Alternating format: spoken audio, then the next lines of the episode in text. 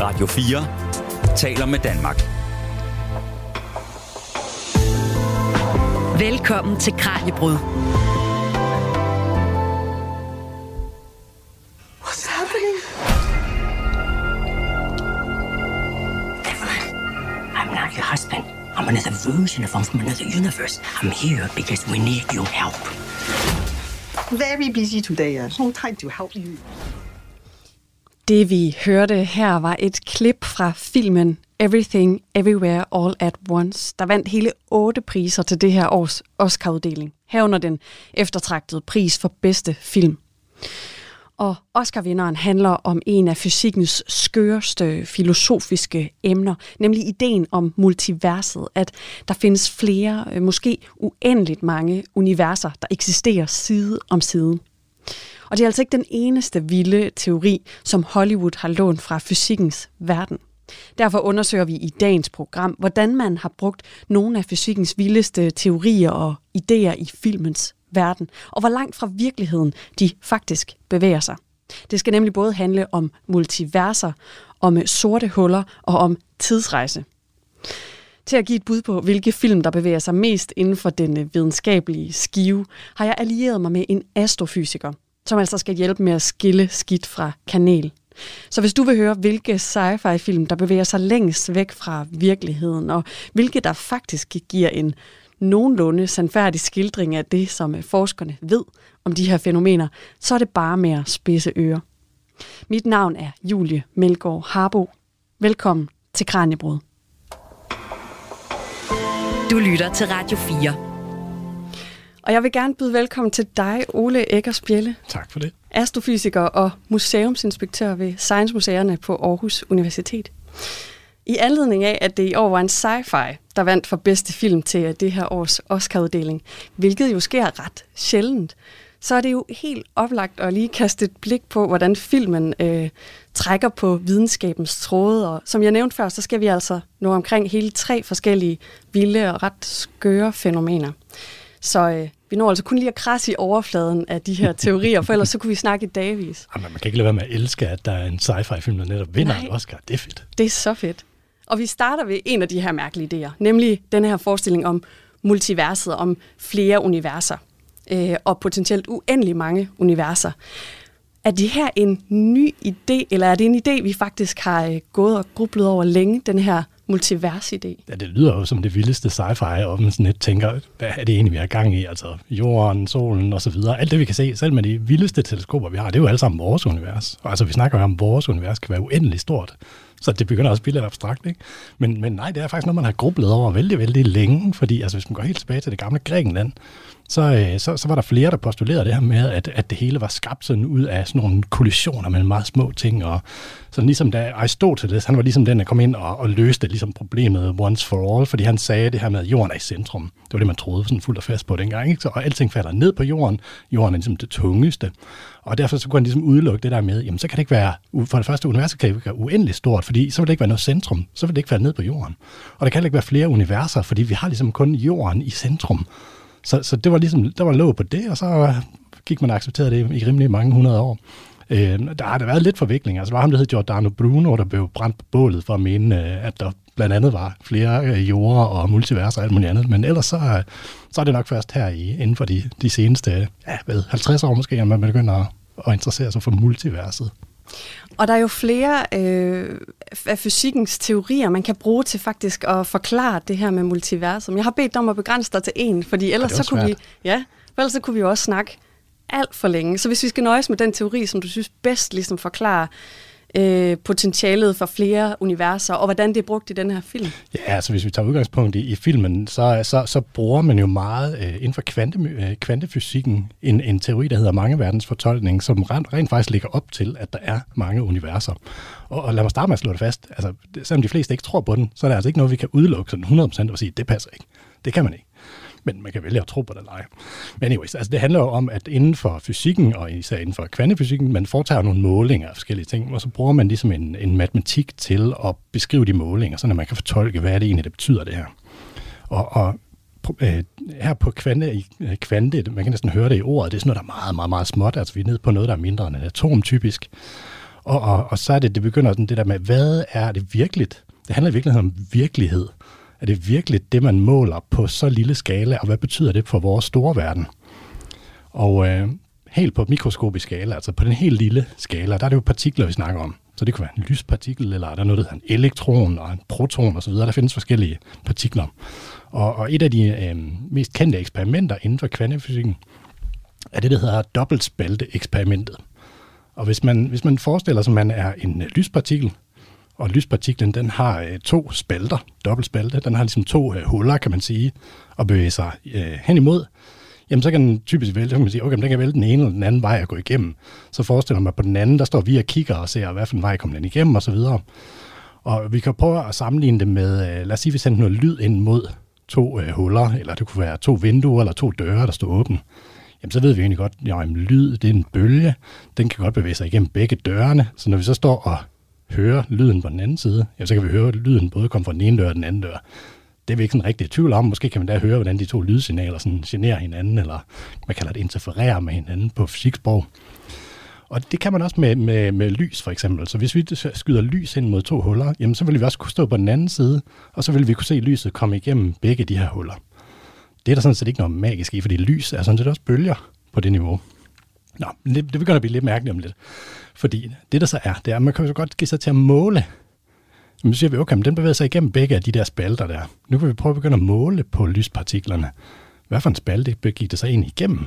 Og hvis man så gør det, vi sender en lyspartikel igennem, og så begynder vi at måle, så finder vi ud af, at jamen, den vælger den ene, den ene bane. Den vælger ikke dem begge to på én gang. Og når man gør det, jamen det, det der er så sjovt, det er, hvis man står og, og lytter til, nu, nu bruger vi eksempel med lyd, hvis man står der på den anden side af de to døre og lytter, ja, så kan man høre lyden fra begge, hvis vi øh, står der, hvor vi sender lys igennem de to spalter, så kan vi se lyset, der også interfererer med hinanden, altså øh, ligesom øh, påvirker hinanden, når det kommer fra to åbninger. Og det, der er mærkeligt, er, at selv hvis vi kun sender én lyspartikel igennem, så vil den faktisk bevæge sig igennem begge veje, og man kan stå og lytte til den der, hvordan den interfererer med sig selv. Men hvis vi begynder at måle, så, vælger, så tvinger vi den til at vælge den ene vej, og så forsvinder det alt det der. Så det er sådan en lille smule en blanding af magi og mærkelig fysik, i hvert fald, hvis du spørger mig. Og, og, og det her er det så, at, at man kan sige, det lyder virkelig mærkeligt. Vi kan egentlig godt forstå, når vi begynder at måle på tingene, jamen, så kan vi kun være et sted. Altså, hvis jeg slår plat og krone, så kan jeg ikke både slå plat og krone. Jeg kan kun slå det ene af tingene.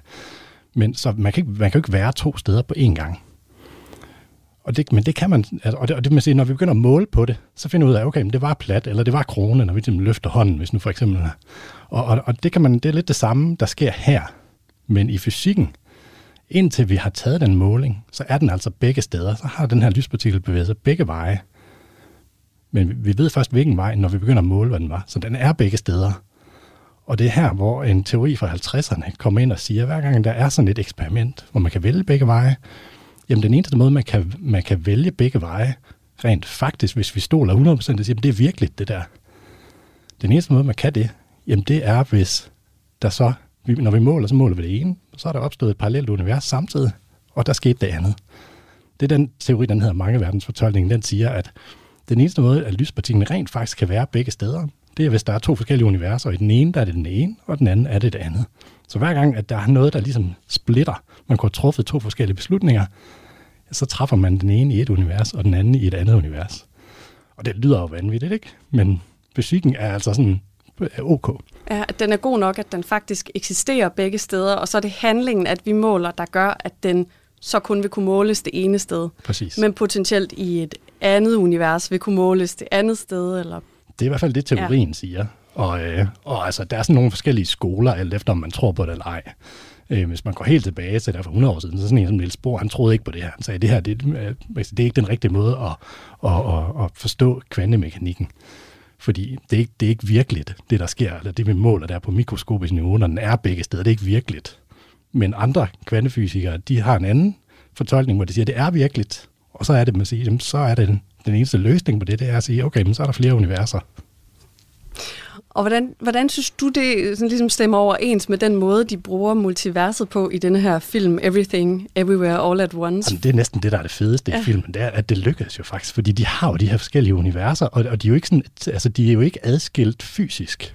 De er det samme sted, de her universer, og det synes jeg egentlig er en ret fed filmisk måde at vise det her med, at man kunne have truffet en anden beslutning. Det behøver jo ikke være et kvanteeksperiment, før at det splitter, fordi vi skal hele tiden træffe beslutninger. Og, og på den måde, så kan man sige, hvis man så går tilbage og ser på nogle af de tilfældigheder, der har været i ens liv og så videre, jamen, så kunne man jo have, jamen det kunne have endt helt anderledes, og det, det går de jo så meget ind i i filmen der. Og det, det synes jeg er mega fedt. Så de der verse jumps, de laver sådan i hæsblæsende tempo, de er, de er fede. Og det synes jeg virkelig, det er noget, der er, altså fra en, fra en fysikers perspektiv, så er det nice, at man, øh, at man tør sig noget. Er der et sted, hvor den her teori sådan helt åbenlyst knækker i forhold til tanken om multiverser? Altså, hvor er det, den ikke går længere? Jamen, i og med, at det er sådan et spørgsmål om fortolkningen, så kan vi ikke, så, så kan vi ikke sådan sætte fingeren på og så sige, det der det er forkert. Altså, vi, vi regner ikke med, at man kan lave hop imellem forskellige universer.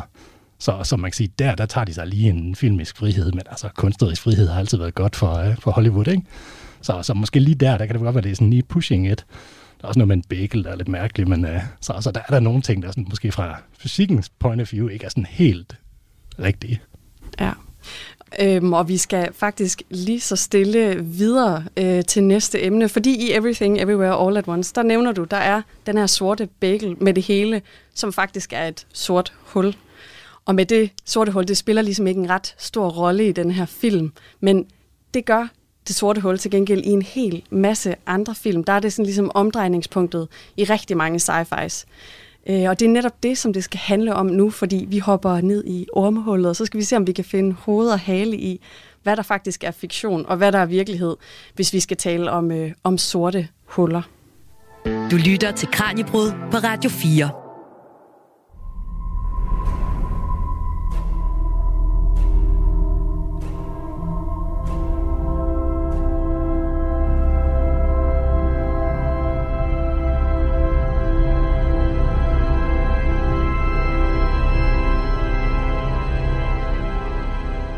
Det her var en bid af soundtracket, det track, der hedder Wormhole af Hans Zimmermann fra filmen Interstellar, som altså kom i biograferne i 2014.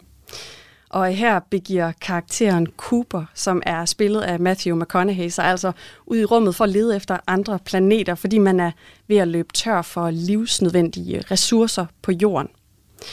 Og han flyver simpelthen direkte mod et sort hul, og også ind i et ormehul, hvor musikken, vi øh, lige hørte her, den altså fungerer som sådan en dramatisk øh, lydtæppe på hans rejse gennem ormehullet. Ole Eggers Bjelle modsat denne her idé om multiverset, som er sådan lidt skør og bevæger sig på et meget filosofisk plan, så ved vi jo faktisk en del om sorte huller. Og i scenen fra Interstellar, hvor de flyver rundt lige i kanten af det sorte hul, der er der ligesom to ringe af lys, som øh, ligner ild, en, der går øh, rundt om hullet, og en, der ligesom går vandret på den anden led.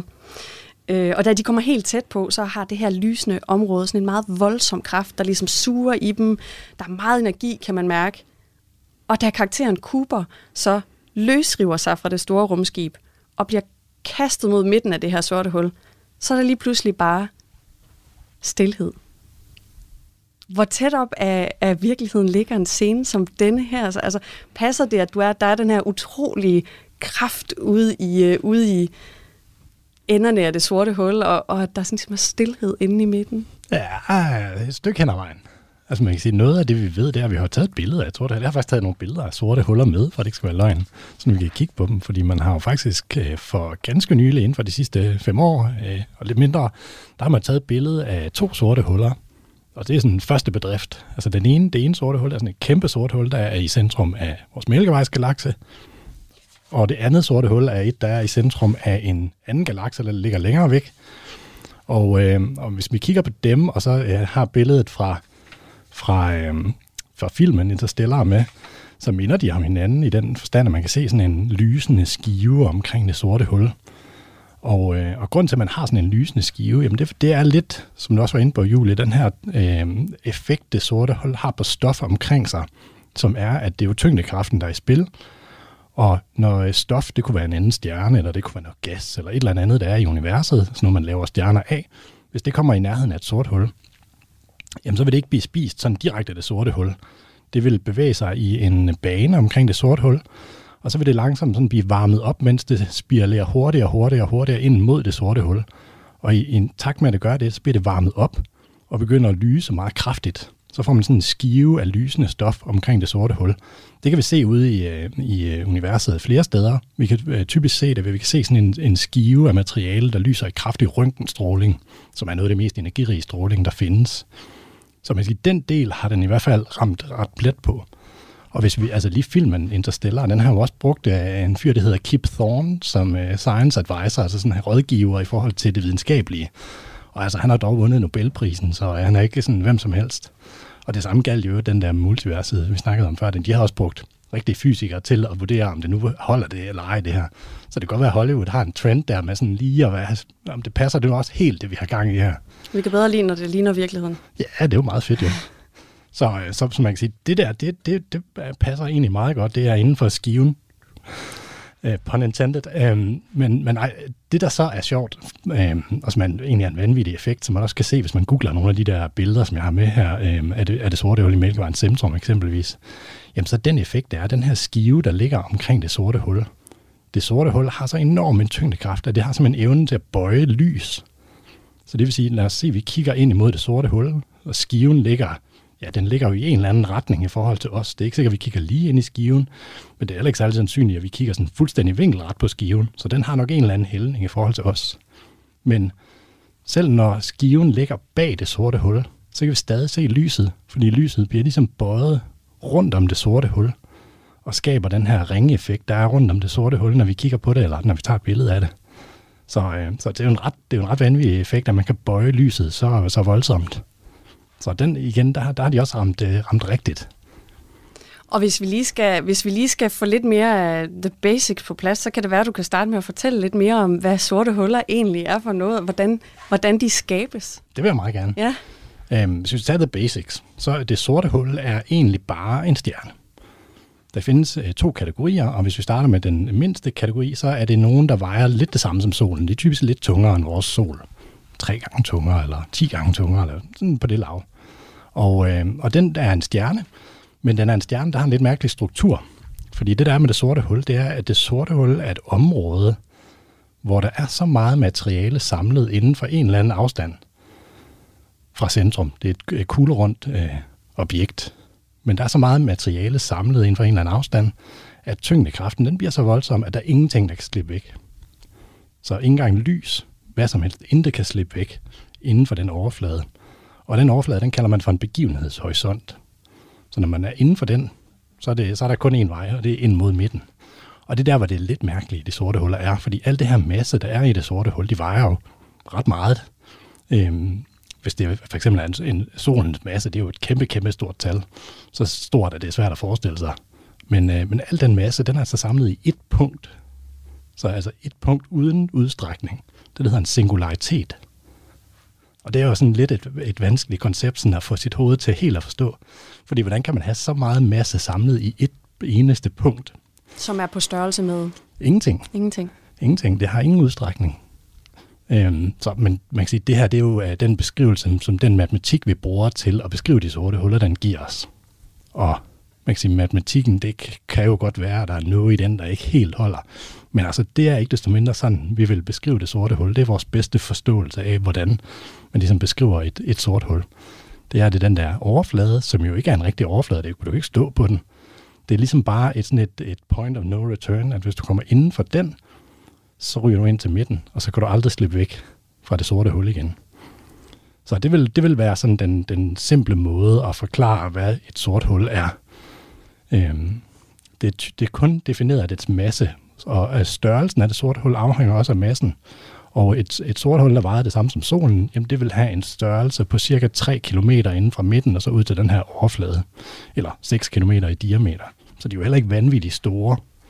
Men øhm, det var den ene type af sorte huller. Så er der en anden type af sorte huller. Det er nogen, der hedder, vi har egentlig ikke et godt dansk navn for dem, så vi kalder dem bare supermassive black holes. Det lyder også utrolig sejt, så det er også fedt bare at kalde dem det. Ja, det er egentlig så fedt, ja.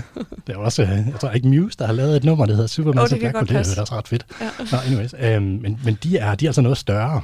Og øh, de er typisk i midten af galakser. Så sådan stort set alle galakser, vi kender, de har sådan en, en kæmpe stor, øh, et kæmpe stort sort hul i, øh, i midten, og det har altså vores Mælkevejsgalakse også og den vejer så noget, altså den vejer nogle millioner gange, så meget som solen, og i nogle af de større galakser, der har du et sort hul, der vejer flere milliarder gange. Så, øh, det som solen vejer. Og de kan jo være på størrelse med vores solsystem, de her helt store nogen. Øhm, I forhold til, hvordan man danner dem, så er der igen ligesom to forskellige muligheder. Hvis det er sådan et sort hul på en stjerne af en stjernemasse, så er det dannet ved, at meget, meget tunge stjerner, de trækker sig sammen. Det er sådan, at en stjerne som solen, den lyser. Det gør den, fordi den producerer energi. Den laver fusion i midten. Det kan den gøre i mange, mange milliarder år solen. Men de helt store stjerner, de har så hurtig en energiproduktion, at det kan de kun i ganske kort tid, nogle millioner år. Og når de så løber tør for, øh, for det her brændstof her, så har de ligesom ikke rigtig noget, der kan balancere den store tyngdekraft. Og så vil de kollapse. Og, øh, og det er kun de allertungeste stjerner, men cirka 1 ud af 1000 stjerner, der bliver dannet, de er tunge nok til det her. Men deres liv er så også relativt hurtigt. Så det betyder, at sådan en mælkevejsgalakse som vores, der måske er, lad os sige, 500 milliarder stjerner, jeg vil sige, en, en tusindedel af dem, det er faktisk sorte huller, så det vil være noget i stil med 500 millioner sorte huller derude. Og det er alligevel et ret stort tal. Og hvor mange af dem har vi kunne tage billeder af? Ja, ikke ret mange. Altså, dem vi har taget et billede af, det er en. Ja. Men, øh, men det er den i midten, fordi det er den eneste, der ligesom er stor. Ja. Øhm, alle de andre har vi kun set indirekte. Dem kan man se, hvis de har for eksempel en, dobbelt, en del af et dobbeltstjernesystem. Fordi så kan vi typisk se den effekt med, at der enten bliver overført noget materiale til dem, eller at den, en anden stjerne har en meget, meget tung partner, som vi så fortolker som et sort hul. Så det er sådan et indirekte, øh, det vi ved det på den måde. Men altså de store, de kæmpe, kæmpe store øh, sorte huller, de er nok dannet meget, meget tidligt i universets historie. Der omkring, hvor galakserne begynder at opstå, og her snakker vi om sådan nogle, nogle 100 millioner år efter The Big Bang, og vi er ikke helt sikre på, hvordan det er sket. Fordi er det mange stjerner, der sådan samtidig er kommet for tæt på hinanden, og så bare kollapset til et kæmpe sort hul, eller hvad er det egentlig? Det ved man faktisk ikke helt. Og er det rigtigt nok, at ligesom i filmen, at vi har det her felt, der er lysende, vi kan se på de billeder, du har med her, det ligner jo en, altså en ring af ild. Ja, det ligner er det, Er det rigtigt nok, at der er sådan en kæmpe tiltrækningskraft fra den der ring? Eller fra nej, det sorte hul? Det øh, er fiktionens Det er lidt fiktion. fortolkning. Øh, altså, der er det ved det, at, øh, at hvis du for eksempel, lad os sige, du er erstattet solen med et sort hul lige nu, der vejede det samme, jamen så vil jorden egentlig bare blive ved med at bevæge sig rundt i den samme bane. Det vil være lidt underligt at være på jorden og årstider og ting og sager, ikke? men altså, det, vil, det er den samme tyngdekraft. Så det er ikke fordi, det er sådan en ekstra, det er sådan en støvsuger eller noget, det er det ikke. Men det, det er dog rigtigt, at Især for de, faktisk for de små sorte huller, fordi du kan komme så tæt på dem. Altså nu sagde jeg, hvis den vejede som solen, så er det 3 km, der ligesom er den her grænse her. Og det vil sige, at du kan komme meget, meget tæt på den der singularitet. Og fordi du kan det i sådan et lille sort hul, så bliver så får den nogle kæmpe, kæmpe tidevandskræfter. Så, så der er noget i, at det er et ekstremt miljø, de der, særligt de små sorte huller. Fordi hvis du har et, et sort hul, et af de helt tunge sorte huller, jamen så hvis, hvis den afstand, du kan komme på, øh, på øh, den er på størrelse med vores solsystem, så er du stadig ret langt fra singulariteten. Og så de der tidvandskræfter, som rykker dig i stykker. Altså tidvandskræfter, det er det samme, som månen laver på jorden, altså hvor der kommer høje vande. Så man, man taler faktisk om en effekt, der hedder spaghettification, som er altså, man forestiller sig, en person, der er en astronaut, der rejste mod et sort hul, vil simpelthen blive strukket ud i længde, længden for det høje vand i fødder og hoved, og så, og så lavvanden på siden, hvor man simpelthen bliver mast sammen, så man ligner en spaghetti. Så den her singularitet i midten af det sorte hul, den, har den lige stor tiltrækningskraft? Er det, altså, er det lige meget, om det er et stort sort hul eller et lille sort hul? Altså har singulariteten samme form for tiltrækningskraft? Det hele afhænger af massen jo, for man siger. Ja. Det er bare i godsøjne tyngdekraften. Så selvfølgelig en, en tung singularitet vil have en større tyngdekraft, men fordi tyngdekraften aftager med afstanden i anden, så betyder det meget, om du er langt væk, eller om du er meget langt væk. Så jo tættere du kan komme på, jo, jo jo bedre bliver den her, jo større bliver den her effekt, der, der sådan ender med at rykke dig i stykker, ikke? Ja. Jeg vil gerne spørge dig lidt ind til det her med tid. Mm-hmm. Fordi det synes jeg jo er ret interessant, når vi snakker sorte huller. Øh, at tiden den kan opføre sig anderledes det er jo helt vildt svært, synes jeg, at begribe. Øh, men hvorfor, hvorfor er det, det er sådan, at tiden opfører sig anderledes? Det bliver vist meget fedt i Interstellar, det her ja. med, at der vil de rejse, nu kan jeg ikke huske den der med, med tidevands, øh, den har de der vanvittige tidevandsbølger, hvor de kommer ned på overfladen der. Men der er det jo sådan noget med, at de er dernede i en halv time, og så er der gået, nu kan jeg ikke huske, mange år op i, i rumskibet. Og det, det er en helt ægte effekt. Altså, vi kunne faktisk måle den her nu, hvis vi havde sådan et atomur, sådan et ur, der var virkelig, virkelig præcist.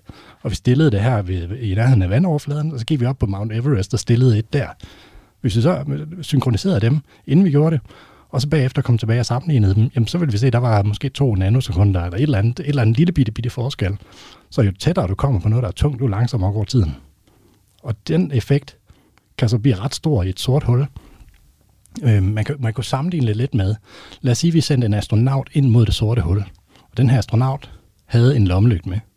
Og astronauten ligesom sendte et, et lyssignal ud til os, lad os sige, hver gang der er gået et minut. Jamen så vil, vi, øh, så vil der gå et minut, så vil vi se et lyssignal. Men for os, der, der sidder i det fjerne og kigger på astronautens bane ind, så vil det blive længere og længere og længere mellem signalerne. Så i starten ville det måske være et minut, så var det måske et minut og 10, så blev det måske et minut og 30 osv. Og, og det vil gå længere og længere mellem de der signaler, selvom astronauten bare vil kigge på sit armbåndsur og ligesom lyse, hver gang der var gået et minut nøjagtigt. Og det vil sige, for os at se, så kan vi se, at tiden går simpelthen langsommere for, for astronauten, som er på vej ind mod det sorte hul. Og, og til sidst, når astronauten når den her begivenhedshorisont, altså den her overflade med det sorte hul, så vil tiden simpelthen gå i stå. Så vil vi i princippet se astronauten og lyssignalet være der uendeligt på overfladen af det sorte hul der. Så man vil ligesom blive ved med at bevæge sig ind mod det, set fra os, der kigger langt væk fra. Så det er et del med bizarrt, så man kan få tiden til at gå i stå. Ja, og så vil astronauten jo øh, potentielt selv kunne bevæge sig ind i det sorte hul, men vi udefra ser ham bare stå stille der Præcis. på kanten. Det er en illusion. Ja. Fordi astronauten selv, det kunne også være en kvinde jo, en modig, meget modig kvinde, ja. han eller hun, vil jo bevæge sig ind mod det sorte hul, og, og bare kigge ned på sit armbåndsur, og så hver gang der er gået et minut, så vil han eller hun sende en, et lyssignal til os. Og altså for astronauten, der vil der ikke gøre nogen forskel, at vedkommende er kommet ind på den anden side af begivenhedshorisonten. Det vil bare stadigvæk blive ved med at trykke på sin lommelygt. Men altså, der bliver nogle mærkelige ting, fordi når man kommer inden for den der begivenhedshorisont, så er der ingenting, der kan bevæge sig udad. Og det betyder formentlig, at din arme eller altså, lys, lommelygten, du kan ikke sådan, der er ikke noget, der kan bevæge sig ud af, så det bliver også virkelig, virkelig underligt, fordi der kan ting kun bevæge sig ind mod singulariteten. Så det bliver også en lille smule mærkeligt at forestille sig helt, hvordan man vil gøre det i praksis. Ja, at du bliver ligesom alt i, der bliver suget kun den vej. Det er sådan lidt mærkeligt. Ja, det er meget Til gengæld mærkeligt. kunne man måske se ting komme ude fra universet og ind imod dig. Det kunne jo også være potentielt være meget fedt. Så det kan jo godt være, at det er den effekt, der, der skaber den der sådan stillhed, sådan et ro i, i filmen der, ikke? Men altså, det er jo ikke nogen, der har været modige nok til at ture det her nu. Det synes, tror jeg også, det nærmeste sorte hul, vi kender, det er over 1000 lysår væk, så Vi kan nok ikke helt komme derud det er, endnu. lidt, det er lidt svært. Det er lidt svært.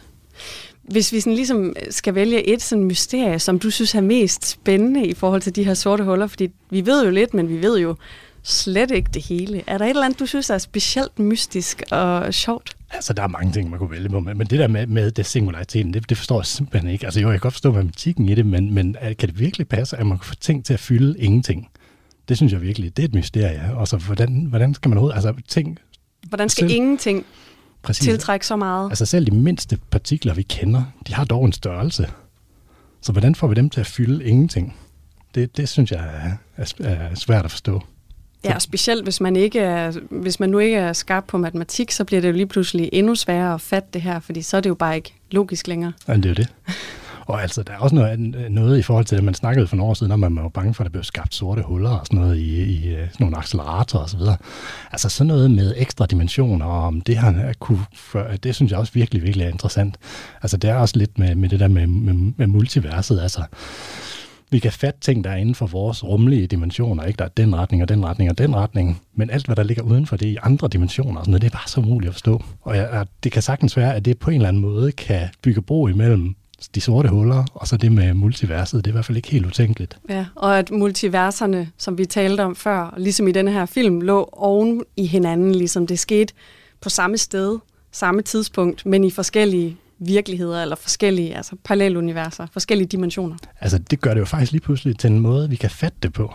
Fordi hvis vi siger, at vores univers er uendelig stort, jamen, hvor er det så, de der andre universer eventuelt måtte være? Ikke? Det, det er svært at forstå.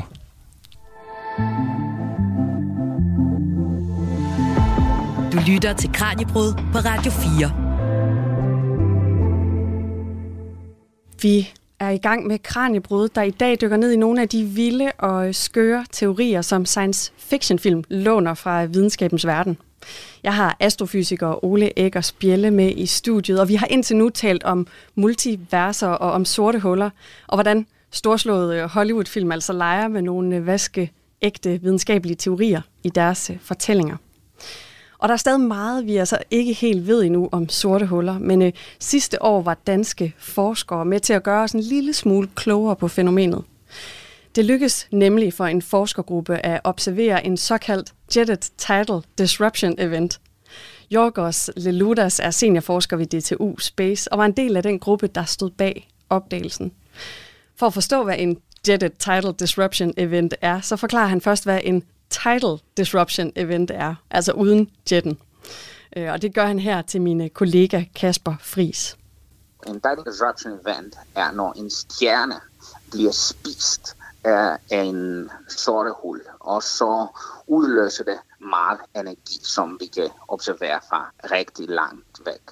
Um, en jetted Dial Disruption Event, det er en tidal Disruption Event, der har også en jet. Og det er materiale, der bliver udløst med en hastighed, der er tæt på lysets hastighed.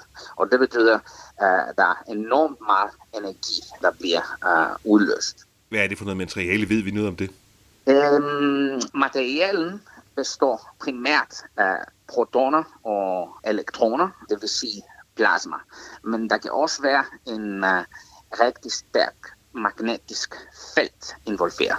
Hvad ved I så om årsagen til, at de opstår, de her jetted title disruption events? Altså, hvorfor er der nogle gange en title disruption event, og andre gange en jetted title disruption event? Ja, det er vi ikke sikre på, og det har vi prøvet at svare med vores observationer. Vi tror, det er måske relateret til, hvor hurtigt den der sorte hul, der har spist stjernen, roterer.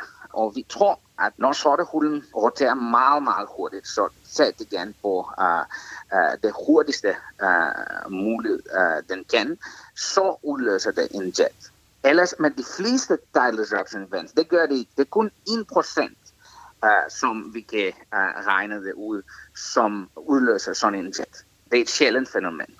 Og sådan en observerede I altså i februar sidste år og den havde været mange år undervejs. Men hvordan observerer I den? Vi, vi gør det med uh, forskellige teleskoper, um, der observerer de mange forskellige bølgelænger. Vi kan gøre det med uh, teleskoper, som opererer i røntgenstråler.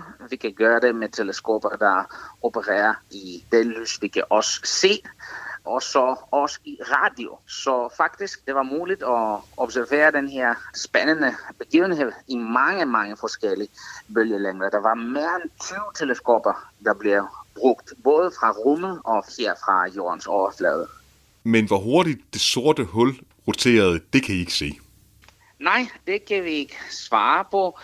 Men uh, der er jo en grænse på, hvor hurtigt alle uh, sorte huller kan rotere, og vi kalder det spin parameter, og det kan gå op til 1.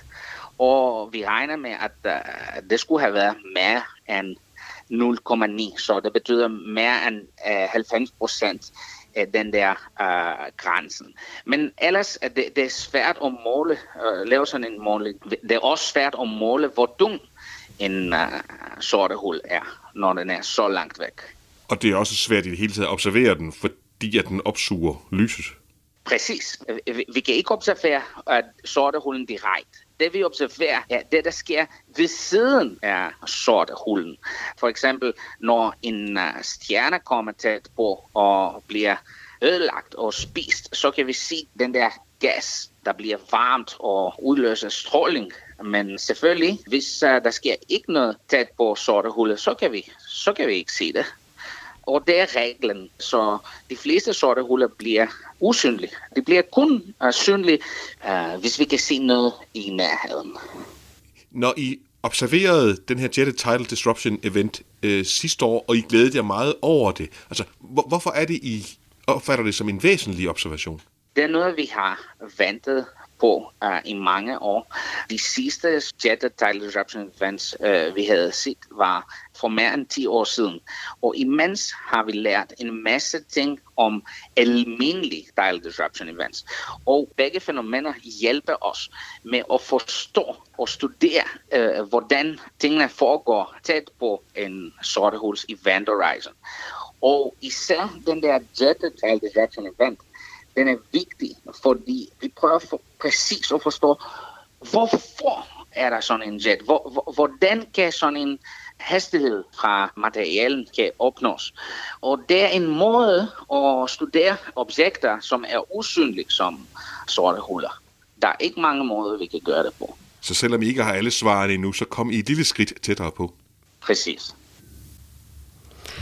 Den Jetted Title Disruption Event, som Jorgos Leludas fra DTU Space og hans kollegaer observerede sidste år, den havde været ganske længe undervejs. Faktisk øh, skete den for godt 8,5 milliarder år siden, men øh, på grund af den uhyrlige afstand, så var det altså først nu, den kunne observeres. Det var først nu, dens lys nåede frem til os. Og øh, som Leludas blandt andet nævner her, så er der altså en hel del i forbindelse med sorte huller, som vi desværre stadig ikke øh, ved nok om. Og det er også noget af det, der gør det så fascinerende. Og nu skal det nemlig til at handle om noget andet, som man desværre ikke kan observere, og som vi derfor kun kan tale om sådan helt hypotetisk, men som altså også er vildt fascinerende. Så her der bliver det måske lidt mindre science og lidt mere fiction, fordi nu skal vi nemlig tale om øh, ormehuller og om tidsrejse. Du lytter til Radio 4. Og Ole Eggersbjælle i Interstellar, der lykkes det for karakteren, øh, som vi talte om før, at komme helt tæt på det her sorte hul.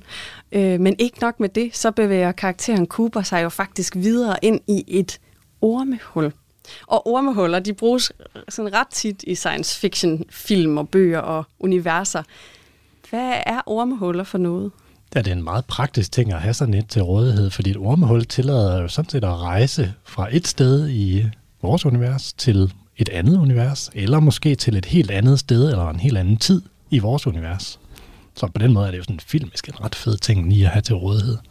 Men øh, man kan sige, sammenligne faktisk lidt med multiverset, at vi kan faktisk godt præsentere en fuldstændig sammenhængende matematisk teori, hvor der er et ormehul. Der er sådan set ikke noget der. Altså hvis vi tager øh, Einsteins relativitetsteori, som er det, det kommer fra, så er den, øh, den, den er jo over 100 år gammel, og den kan blandt andet beskrive, hvordan bevæger ting sig rundt om øh, ja, typisk nogle kugle runde objekter som stjerner og den slags. Og, øh, og det vil sige, det er en matematisk beskrivelse af, hvordan for eksempel en, lad os sige, det var, kunne være en, nogle partikler, det kunne også være en, en planet eller et eller andet, kunne bevæge sig. Alt det der kan man ligesom udlede ud af Einsteins relativitetsteori.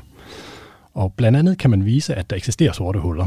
Altså de her objekter, hvor tyngdekraften inden for en bestemt afstand er så enorm, at ingenting kan slippe væk. Og hvis man så tager fat i de her sorte huller og ligesom beskriver dem matematisk, jamen så kan man altid lave sådan lidt nogle forskellige måder at anskue dem på. Så typisk, hvis man skal beregne, hvordan ting bevæger sig, så vil man, man måske interesseret i, lad os sige, det kan være, man er interesseret i at beregne deres position øh, og deres tid som en funktion af hinanden. Så kan man se, hvor, hvor langt er tingene kommet, eventuelt fra centrum som funktion af tid. Men der kan man også vælge at kigge på noget andet. Så man kan fx lave en, det hedder en koordinattransformation. Det er lidt det samme, som man kan gøre, hvis man har sådan et sportsur, og man er ude at løbe en tur, jamen, så kan man få den til at vise, hvor langt har man løbet, og hvor lang tid har det taget. Men man kan også få den til at vise, for eksempel, øh, hvor hurtigt løber jeg, hvad er den hurtigste tid, jeg har haft, osv. osv. Det kan vi også gøre for de her, på, de, på de her matematiske beskrivelser, sådan at i stedet for positionen, så kigger vi på hastigheder for eksempel. Og det kan være, at vi kigger på hastigheder i den ene retning og den anden retning. Og det er faktisk det, man gør. Og hvis man så gør det, jamen så kan man vise, at der, at der opstår et, et, et, mærkeligt, øh, et mærkeligt område omkring det sorte hul, som ligesom åbner sig ind mod et andet univers. Og det er det her ormehul, vi snakker om. Øhm, og så, så bliver der skabt den her bro fra et univers til et andet univers. Når man, laver, når man ændrer sin matematiske beskrivelse en lille smule, så er der det, altså det her område, der opstår i universet rent matematisk, som man skal, ja, altså enten skal man lade være, eller så skal man bevæge sig derind. Der er bare det ved det, at hvis vi tager matematikken igen, så er det sådan, at hvis man sender noget ind i det her ormehul, så kollapser ormehullet. Så hvis man trækker sig sammen om det, der bevæger sig ind, så bliver man simpelthen knust under den her enorme tyngdekraft. Lidt ligesom hvis man bevæger sig ind i et almindeligt sort hul. Men det gør, at vi kan finde en måde at gøre et eller andet ved det på. Men hvorfor er det tanken af, at man bevæger sig... Der, I nogle film, der bevæger man sig til et andet univers, og i andre, der rejser man i tid, og øh, man har ligesom brugt det sådan lidt arbitrært, det her med ormehuller. Hvordan, øh, hvordan kan ideen passe med tidsrejse? Den er egentlig, den er egentlig ok, fordi man kan sige, det som den, det andet område, som ormehullet forbindes til, det er et område, som man ligesom er uden for vores rækkevidde. Og det vil sige, at vi kan reelt ikke sige noget om, hvad det er. Det er ikke inden for vores synlige univers. Det er et andet sted. Øh, og, og det vil sige, at vi kan faktisk ikke udelukke, at det kunne være i en anden tid, et andet sted, i et andet univers. Jamen, alle de der muligheder er egentlig i spil. For det skal egentlig bare være et område, vi sådan ikke rigtig har kontakt til, og ligesom ikke er en del af vores. Det kan ikke influere på os, og vi kan ikke influere på det. Og det kunne jo godt være noget, der skete lang tid tilbage i tiden, eller lang tid ude i fremtiden, eller sådan noget. Så, så på den måde er, det, er den egentlig ok som, som tidsrejse eksempel. Men altså, i, et er, hvad matematikken siger, noget andet er, hvad man sådan rent faktisk kan observere. Og altså, vi har jo ikke observeret nogen sorte huller, eller bare noget, der lignede et sort hul, eller et uh, sorte huller har vi, men ormehuller. Og, øh, og det handler blandt andet om, at for det her ormehul skal virke, så skal det connecte et sort hul med noget, der hedder et hvidt hul, som er det, der er på den anden side. Og et hvidt hul er et omvendt sort hul. Det vil sige, et hvidt hul, jamen på samme måde som det sorte hul, så har det en singularitet i midten, hvor al massen er. Det har den her begivenhedshorisont, som er den her mærkelige overflade, som også kun er sådan en envejs ting. Men forskellen med det hvide hul, det er, du kan ikke bevæge dig ind i det, du kan kun bevæge dig ud af det. Og sådan nogle, sådan nogle tror vi altså ikke på, der findes i virkeligheden. Så det der filmen knækker her, det er ved de hvide huller, og så derfor så kan ormehullerne heller ikke nødvendigvis give mening, selvom matematikken gerne vil dem. Det er i hvert fald den nærliggende forklaring, men altså, der, jeg ved, der er nogen folk, der spekulerer, også forskere, der spekulerer i, det kunne være, der fandtes nogen, der var meget, meget, meget små. Fordi så er det måske ikke så helt så mærkeligt, fordi det, det er nemt nok at forholde sig til, hvis det er store sådan astrofysiske ting, jamen så kan vi godt sige, okay, men vi har ikke set nogen af dem her. Men hvad hvis du nu var mikroskopiske? Så kan det godt være, at man ikke selv kan bevæge sig igennem dem, men det kan være, at informationen kan, eller noget andet kan. Spændende. Meget. Men det bliver jo faktisk øh, endnu mere skørt end ormehuller, når vi taler tidsrejse. I filmen øh, Tilbage til fremtiden fra 1985, der bygger den ekscentriske videnskabsmand Doc Brown sammen med sin unge ven Marty en tidsmaskine ud af en DeLorean, som altså er en øh, bil. Uh, does it run like on, on regular unleaded gasoline? Unfortunately, no. It requires something with a little more kick. Plutonium. Uh, plutonium. Wait a minute. Are you, are you telling me that this sucker is nuclear?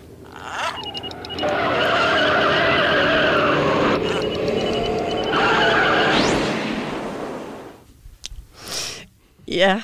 Yes. Giver det nogen som helst mening, at, øh, at man skulle bruge plutonium, hvis man gerne vil bygge sådan en tidsmaskine? Tilbage til fremtiden. Tilbage til fuldstændig fremtiden. mening, altid. Men øh, ah, plutonium, ja, plutonium er fantastisk. Det har, det har mange gode egenskaber. Altså, man kan, plutonium, det får jo blandt andet vores øh, Mars rovers til at køre rundt på Mars. Det giver sådan en lille fin strømkilde, sådan, jeg tror, det giver sådan noget 110 watt, eller et eller andet, man får ud af sådan en plutoniumkilde på Perseverance roveren. Men øh, ja, man kan bruge det til kernevåben også, og ubehagelige ting. Men øh, tidsrejser, den har jeg alligevel ikke øh, sådan helt hørt før øh, andet end i den her film, så jeg tror ikke, den løser det problem. Nej. Og det er jo svært med de her tidsrejsefilm. Det kan jo være svært at få dem til at give mening, fordi der blandt andet vil opstå de her tidsparadoxer, altså at øh, hvis man faktisk rejser i tid og så tager tilbage, så kan man komme til at ændre den verden, man kommer fra, og så vil man jo aldrig ende i den situation, hvor man rejser tilbage i tiden, og så er man ligesom fanget i øh, det paradoks.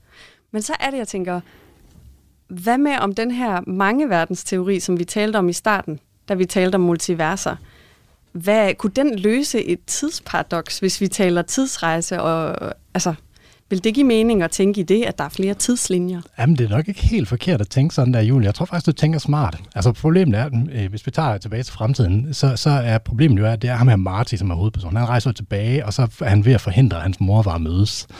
Og, og så er det jo sådan lidt, hvad sker der så egentlig? Fordi kunne han så overhovedet rejse tilbage og sådan noget? Øhm, men det, det har faktisk et navn, det hedder The Grandpa Paradox, altså bedstefar-paradokset. Ja. Altså det her med, ideen er, at man rejser tilbage og dræber sin bedstefar, og så kan man jo ikke eksistere. Og, øh, og det er sådan et uløseligt paradoks jo. Men, øh, altså, man kan jo godt forestille sig, at det, at man rejser tilbage, det skaber ligesom, altså igen, det kan jo godt skabe sådan to forskellige parallelle øh, virkeligheder, hvor i den ene, jamen der er ikke stoppet du så med at eksistere, tough luck, men i den anden, der er du der så stadigvæk. Så, så det er jo faktisk, det er faktisk noget, man rent faktisk øh, arbejder med som løsninger på, øh, på det her. Altså problemet er, at vi mister det, der hedder kausalitet, som er, at begivenhed A øh, påvirker begivenhed B. Så noget sker først, og dermed så sker der et eller andet andet. Øh, og, og det kan vi jo lige pludselig lave om, fordi her kan, her kan du lige pludselig rejse tilbage i tiden, og så forårsage, altså i det vildeste eksempel, ikke, så kan man rejse tilbage i tiden. Forestil dig en, en, en mand, der rejser tilbage i tiden og gør en kvinde gravid, og kvinden får så manden, der så er 20 år senere rejser tilbage i tiden og gør en kvinde, og så kommer på forsag, ikke? så kan man ja. lave sådan nogle uendelighedsparadoxer, ikke, som bliver virkelig underlige. Og, og, og der, kan, der kan det godt være, at vores mange verdens fortolkning, den kan komme og løse et eller andet. Så jeg ved ikke lige, om den kan løse det der uendelighedsparadoks, men den kan løse det fra paradokset i det mindste. Hvordan vil den kunne løse det? Hvordan vil det se ud, hvis vi tog mange verdens fortolkning ned over hele den her tidsrejse, tidsrejseparadokset? Øhm, jamen, det vil se ud på den måde, at hvis man så rejser, altså der er jo, der er jo en virkelighed, som øh, vedkommende rejser tilbage fra. Og den virkelighed, den er der jo. Så det vil sige, der er en virkelighed, som har, hvor personen lever, og så når rejser, rejser vores øh, person her tilbage i tiden og dræber sin øh, bedstefar, og skaber dermed en alternativ virkelighed, hvor vedkommende ikke eksisterer. Så man kan sige, det er de to virkeligheder, der er nødt til at være i spil samtidig. Ellers er det jo netop et paradoks. Paradoks har jo per definition ikke nogen løsning. Men her har vi måske muligheden for at sige, der var den, hvor du rejste tilbage i tiden fra. Og den er nødt til at eksistere, for så kan du ikke rejse tilbage i tiden. Og så er der den anden, som er den, hvor du så holder op med at eksistere, fordi her er din bedste far så død. Og det vil sige, møder ikke din bedste mor og så videre. Så, så det kan være en, en måde sådan at forsøge at løse øh, det her problem på. Ja, så tanken om flere universer, om paralleluniverser, den kunne faktisk løse, løse alle vores, øh, vores tidsparadoxer. Ja, måske. Ja, måske, og måske andre paradoxer. Ja. ja, altså det med tidsparadoxerne igen, hvis vi tager øh, de fysiske teorier, så er der faktisk ikke noget, der forhindrer tidsrejser. Det er ikke sådan, man kan sætte sin finger på og sige, at det kan ikke lade sig gøre, fordi det er der faktisk ikke. Altså, der er faktisk ikke det er faktisk ikke eksplicit forbudt i de fysiske love at rejse tid. Så på den måde, så kan vi godt få lov at drømme lidt videre, og Hollywood kan få lov at drømme lidt videre. Ja. Ja, og apropos så her til sidst, Ole, så håber jeg jo egentlig, at du vil, vil fortælle, hvilken sci-fi-film du synes rammer mest plet, altså på noget, vi faktisk ved fra fysikkens verden. Altså er der en film, som du tænker, den den kommer sgu tæt på virkeligheden. Øh. Det, var også, det kan også være en af dem, vi ikke har talt om i dag.